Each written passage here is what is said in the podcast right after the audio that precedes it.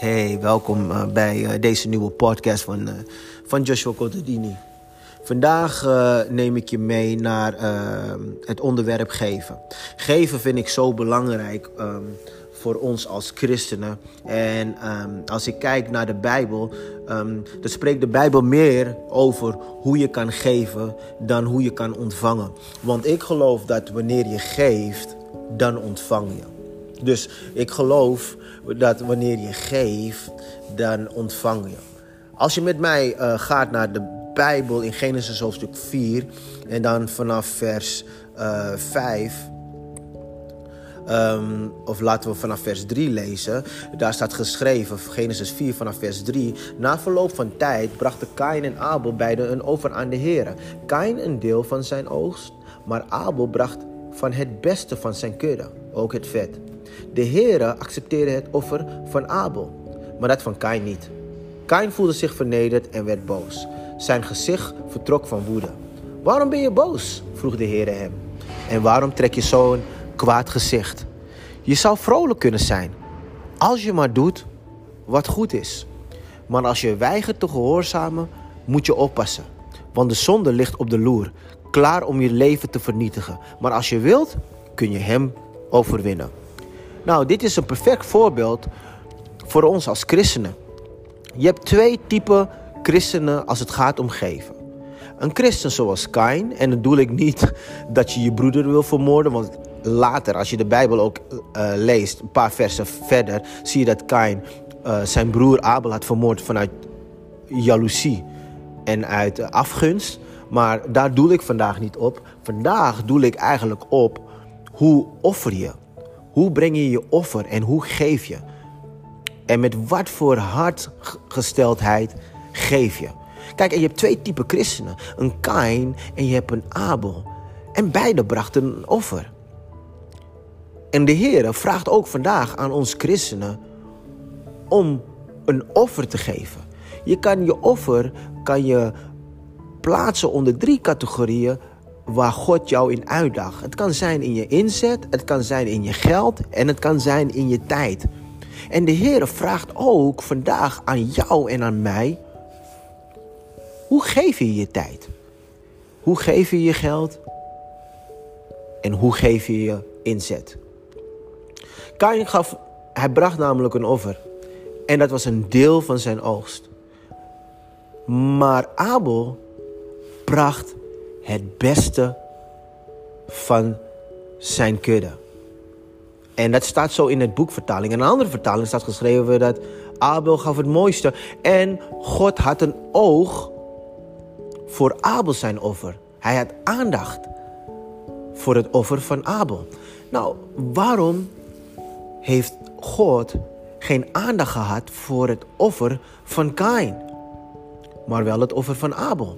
Nou, ik, ik, ik geloof dat, dat het stukje wat in het boekvertaling staat geschreven van de Bijbel, dat Abel gaf het beste. En als God ziet dat jij het beste geeft van je financiën, het beste geeft van je tijd, het beste geeft van je inzet, dat God dat zegent, want hij ziet dat als jij het beste geeft aan hem, ziet hij dat jij hem ziet en dat jij hem aanneemt als eerste prioriteit in je leven. En vandaag is het zo dat velen van ons zien God onbewust in onze tijd, in ons inzet of in onze financiën, kunnen wij God onbewust plaatsen in ons leven als tweede of derde prioriteit. Terwijl het wel een offer is wat je brengt. Je gaat naar de kerk. Uh, je geeft je financiën. Je geeft je tijd. In, in wat dan ook. Maar, maar toch zegt God, that's not enough. Want wat het compleet maakt en wat, het, wat een overwinning brengt, is wanneer je mij als eerste prioriteit ziet. Uh, als ik wakker word, wat moet ik eigenlijk doen? Is niet op mijn telefoon gaan om social media te kijken en, en te zien op een van mijn platform uh, van Facebook of Instagram. Of tegenwoordig heb je ook TikTok trouwens.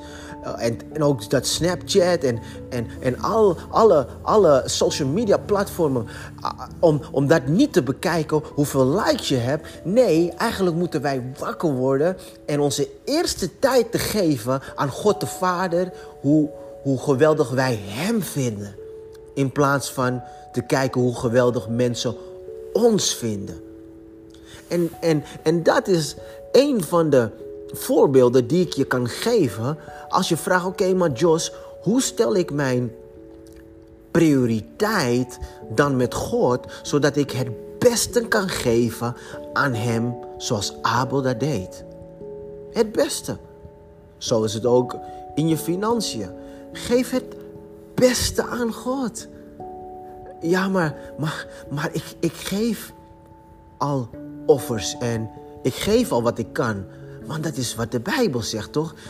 2 Korinthe hoofdstuk 9 vers 7. Paulus zegt, geef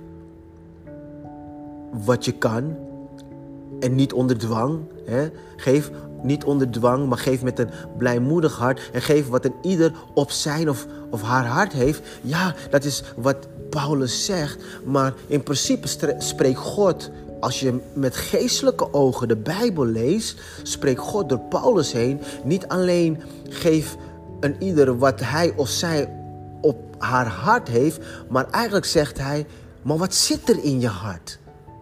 En in het hart van Abel was God het, de eerste prioriteit van zijn leven.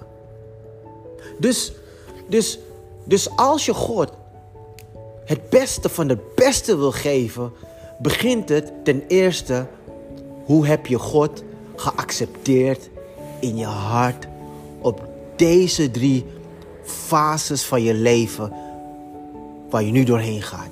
In je tijd, in je inzet en ook in je financiën. En als ik het heb over je tijd, is het je tijd met God en ook in de, met je tijd in de kerk. Als ik het heb over je inzet, is het je inzet voor God en in je inzet voor de gemeente van God. En zo is het ook met je financiën. En God vraagt aan ons: geef het beste. Want daar heb ik, het, heb ik een oog voor, zoals ik een oog voor had voor Abel. En Kain zijn offer werd op dat moment niet geaccepteerd.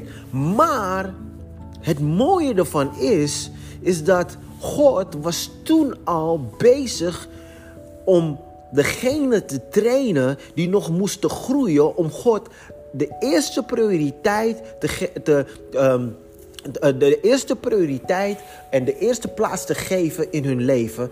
En, en die persoon was Kain, waar God mee bezig was. Dus het punt is, is hier heel duidelijk. Kain zijn offer was niet genoeg, maar toch wilde God Kain daarin beproeven en een kans geven om hem achteraf te vragen waarom hij überhaupt boos was. Want dat is toch wat, wat, wat God aan hem vroeg. Hij zei, waarom ben je boos? Vers 6. En, en hij zei, eigenlijk moet je vrolijk zijn. Je moet blij zijn. Het boekvertaling zegt vrolijk. Eigenlijk moet je vrolijk kunnen zijn, kunnen kijken. Als je maar doet wat goed is. Maar, maar hier gaat het om. Geven heeft te maken met gehoorzaamheid. Want God zegt daarna, maar als je weigert te gehoorzamen, dan moet je oppassen. Want de zonde ligt op de loer, klaar om je leven te vernietigen. Maar als je wilt, kun je hem overwinnen. Dus hoe kan je zonde overwinnen? Door te geven uit gehoorzaamheid. En niet uit een zondig hart. Een zondig hart kan ook, eh, vanuit een zondig hart kan je ook offers brengen. En waarom zeg ik dit? Als je een offer brengt omdat het maar moet, en eigenlijk vanuit tegenzin, dat, dat betekent al dat je buiten de wil van God iets doet. En als je iets buiten de wil van God doet, dan is het al zonde. Maar God zegt, Kain, Voor jou is het vandaag mogelijk om die zonde te overwinnen als je maar gehoorzaamt. Maar als je weigert te gehoorzamen, dan moet je uitkijken, moet je oppassen. En voor, waar, voor waarvoor moest Kain oppassen? Hij moest oppassen voor de geest van jaloezie. Want jaloezie, dat is wat God zelf zegt dat is zonde en dat is klaar om je leven te vernietigen. En wat was het einde van Kain en Abel? Vernietiging van broederschap, vernietiging van levens, want hij had zijn broer gedood omdat hij jaloers werd doordat hij in ongehoorzaamheid leefde.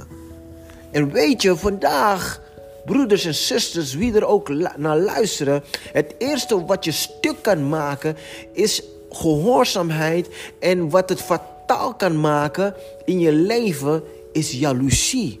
En in het koninkrijk en in de kerk vandaag kan soms de geest van jaloezie in je hart sluipen, omdat je niet volledig in de gehoorzaamheid van Christus wandelt. En dan kan je zo jaloers worden op een ander die wel gezegend wordt. Je kan jaloers worden op je broeder. Je kan jaloers worden op je zuster. Je kan zelfs jaloers worden op je pastor. Op je leiders. Je kan zelfs jaloers worden op je familieleden. Zoals Kain was jaloers op zijn broer. En ongehoorzaamheid komt voort uit, uit een bepaalde mentaliteit. Ongehoorzaamheid wanneer je niet geeft, komt voort uit een mentaliteit dat je geen vertrouwen hebt, geen geloof hebt. Je, je, je, je, je vertrouwt God eigenlijk niet. Eigenlijk, het is niet zo dat wanneer je niet geeft, dat je zegt ik vertrouw de kerk niet. Nee, wanneer je niet geeft, eigenlijk vertrouw je God niet. Want zodra je God vertrouwt, dan zal je merken dat jouw hart ruim is en er geen plaats is voor, uh, verborgenheid, geen zonde, waardoor je makkelijker kan geven aan God in je tijd, in je geld en in je inzet. Ik geloof dat dat de kracht is van geven. Zodra je leert te vertrouwen op God. Maar wanneer je niet vertrouwt en wanneer je niet gelooft. En wanneer je niet het zeker weet dat God het kan doen, dan bouw je alleen maar op, op je eigen inzicht en op wat jij hebt gebouwd en op wat jij hebt behaald. Maar dat alles kan wegvallen en dan het enige wat je kan redden en het enige wat je stabiel houdt, is toch het geloofstukje dat je aan God zou moeten geven. Soms, soms, hè, soms houden we dingen zo vast. En hechten we zoveel waarde aan wat wij zelf hebben gebouwd. Dat we God niet meer de eer kunnen geven in onze tijd, geld en in onze inzet. Maar het blijft altijd een stukje, maar het is van mij. En dat wat van jou is, als je het zo bekijkt, uiteindelijk is dat een stukje controle die je zelf wil houden. Maar weet je wat Jezus zegt? In een van de uh, evangeliën zegt Jezus, hij zegt, wie zijn leven verliest om mijn wil, zou het behouden. Maar wie zijn leven wil behouden, die zal het verliezen. Dus, dus alles wat je denkt, dat is wat je wil vasthouden omdat je het niet vertrouwt. En je vertrouwt geen mensen, je vertrouwt geen kerk, je vertrouwt geen pastors, je vertrouwt geen leiders. En uiteindelijk vertrouw je God niet, je zal het verliezen. Maar wanneer je zegt, God, ik, ik geef het aan u en wat die en die ermee doet, of wat die en die met, met mijn vertrouwen, met mijn tijd, met mijn geld, met mijn inzet doet, wat ze er ook mee doen, u ziet alles en ik vertrouw u, uiteindelijk zal je toch wel winnen. Dat is een geestelijke principe wat niet weggaat. Wat niet weggaat. De rijke jongeling, als je dat voor jezelf ook leest in Marcus hoofdstuk 19, vers 16 tot en met 30. Hij zei tegen Jezus, een rijke jongeling, hij was rijk. En hij zei tegen Jezus, uh, um, uh, wat zou ik moeten doen om, om het koninkrijk binnen te komen? En, en Jezus zei, nou, weet je, hou aan dit gebod, hou aan dat gebod en, en hou hier aan en hou daar aan. En hij zegt, Jezus, dat doe ik allemaal. Net zoals ons vandaag. We zeggen, oké, hoe moet ik een goede christen zijn? En dan wordt het geleerd hoe je naar de bijbelstudie moet gaan, uh, hoe je je offers moet geven en, en, en, en hoe je op tijd in de kerk moet zijn en, en, en, en, en hoe je niet moet schelden en, en hoe je, hoe je bepaalde dingen wel of niet moet doen. En dan zeg je, maar dat doe ik al. Ik doe mensen geen kwaad. Maar toen zei Jezus, hij kwam op een heel gevoelig puntje. Hij kwam aan een kindje, zo hij zag, de rijke jongeling zag zijn bezitting, bezittingen als zijn kindje, als zijn afgod. En, en, en Jezus zei, en nou vraag ik jou dan om alles te verkopen en alles wat je hebt verkocht, de al, al van je bezittingen te verkopen en, je, en de opbrengst daarvan te geven aan de armen. En, en, en dat, is, dat was het stukje controle die hij verloor die rijke jongeling in Matthäus hoofdstuk 19, vers 16 tot en met 30. En hij verloor die, die controle. En toen hij die controle verloor, zei hij niets. En zijn gezicht vertrok. Hij werd droevig en hij liep weg. En weet je dat wij ook zo zijn, geestelijk? We, we, sluiten dan ons hart. Zodra God ons iets vraagt, wat wij tot een afgod hebben gemaakt. Wat van ons is, waar wij controle nog over willen houden.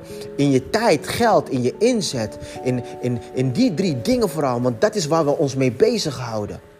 Hoe kan ik mijn tijd benutten? Waarin investeer ik mijn geld? Waarin zet ik mezelf in? Want ik moet mijn doelen behalen. Maar zodra God zegt, just give it to me. Want als je het aan mij geeft, dan, dan investeer je het in mijn koninkrijk. En je zal leven. Maar deze jongeling, die had alles. Maar hij leefde niet en hij liep weg. En soms lopen wij ook zo weg dan van God. En we houden dat stukje wat wij hebben aanbeden. Terwijl er is een andere vrouw in Marcus hoofdstuk 12 vers 42 tot en met 43. Een arme weduwe in die tijd, in de tempel, gaven rijke mensen heel veel uh, geld in het offerkist. Maar zij gaf maar twee muntjes. En om dit kort samen te, te vatten, om lang verhaal kort te maken, is, is dat Jezus zei: Wat deze vrouw heb gegeven, was het beste. Terwijl ze niets had. En weet je, wanneer je geeft, dan kijkt God niet eens naar wat je hebt, maar naar je hart. En, en het verschil tussen de rijke jongeling en de arme weduwe is dat de rijke jongeling had alles, maar toch had hij niets. En de arme weduwe had niets, maar toch had zij alles. Dus waar begint geven? In your thinking. En die rijke jongeling had een armoedig mentaliteit. En die vrouw, de arme weduwe, had een rijke geest. Matthäus hoofdstuk 6 vers 21, daar staat geschreven, waar je schat is, daar zal je hart zijn. Waar je schat is, daar zal je hart zijn. Weet je, zodra je het beste geeft aan iets, of je, stel, hè, ik, ik, heb, ik heb laatst heb ik een, eh, een mooie auto gehaald. En ik investeer daar alles in. Zelfs meer tijd dan met mijn eigen vrouw. Dan heb ik dat meer lief dan mijn vrouw. Dan mijn eigen kinderen. En, en, en, en dit is eigenlijk in alles van ons leven zo. God zegt, wat stel jij boven mij? Of stel jij mij boven alles? Daarom is Jezus heel radicaal als hij spreekt over... Indien gij mij wil volgen, neem je kruis op en volg mij. En, en, en als jij niet je broeder, je zuster, je vader, je moeder haat... dan kan jij mijn, kan jij mijn discipel niet zijn. En haten bedoelt hij niet mee moorden. Of jaloers zijn, zoals Kain dat was naar Abel. Maar haten als Jezus praat over haat en hij is de enige rabbi, meester, heren die dat kan vragen, want anders ben je een secteleider.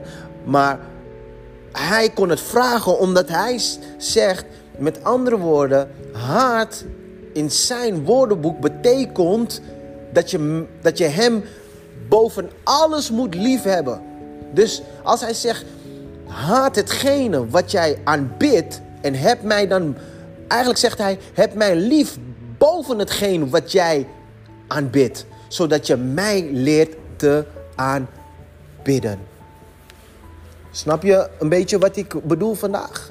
Hiermee wil ik je zegenen en hiermee wil ik jou uh, um, gaan blessen dat je kan pas geven met een blijmoedig hart, zoals apostel Paulus ook zegt in 2 Korintiërs 9 vers 7, als je God als eerste prioriteit ziet. En Abel, hij was een blijmoedige gever. Kain was niet blijmoedig, maar hij was wel een gever. En zie, dat komt overeen. Ook wat Paulus zegt. Daarom zegt Paulus, God heeft de blijmoedige gever lief. Want Kain werd kwaad, hij was bedroefd. En toen zei God, maar waarom ben je bedroefd? Je moet toch blij zijn als je maar het beste doet. Snap, snap je? Terwijl Abel, Abel gaf het beste. En hij was blij om het beste te geven. Hiermee wil, ik je zegenen. Geef. En het zal gegeven worden. Paulus zegt ook: het is beter te geven dan te ontvangen. Het is beter te geven dan te ontvangen. God zegen.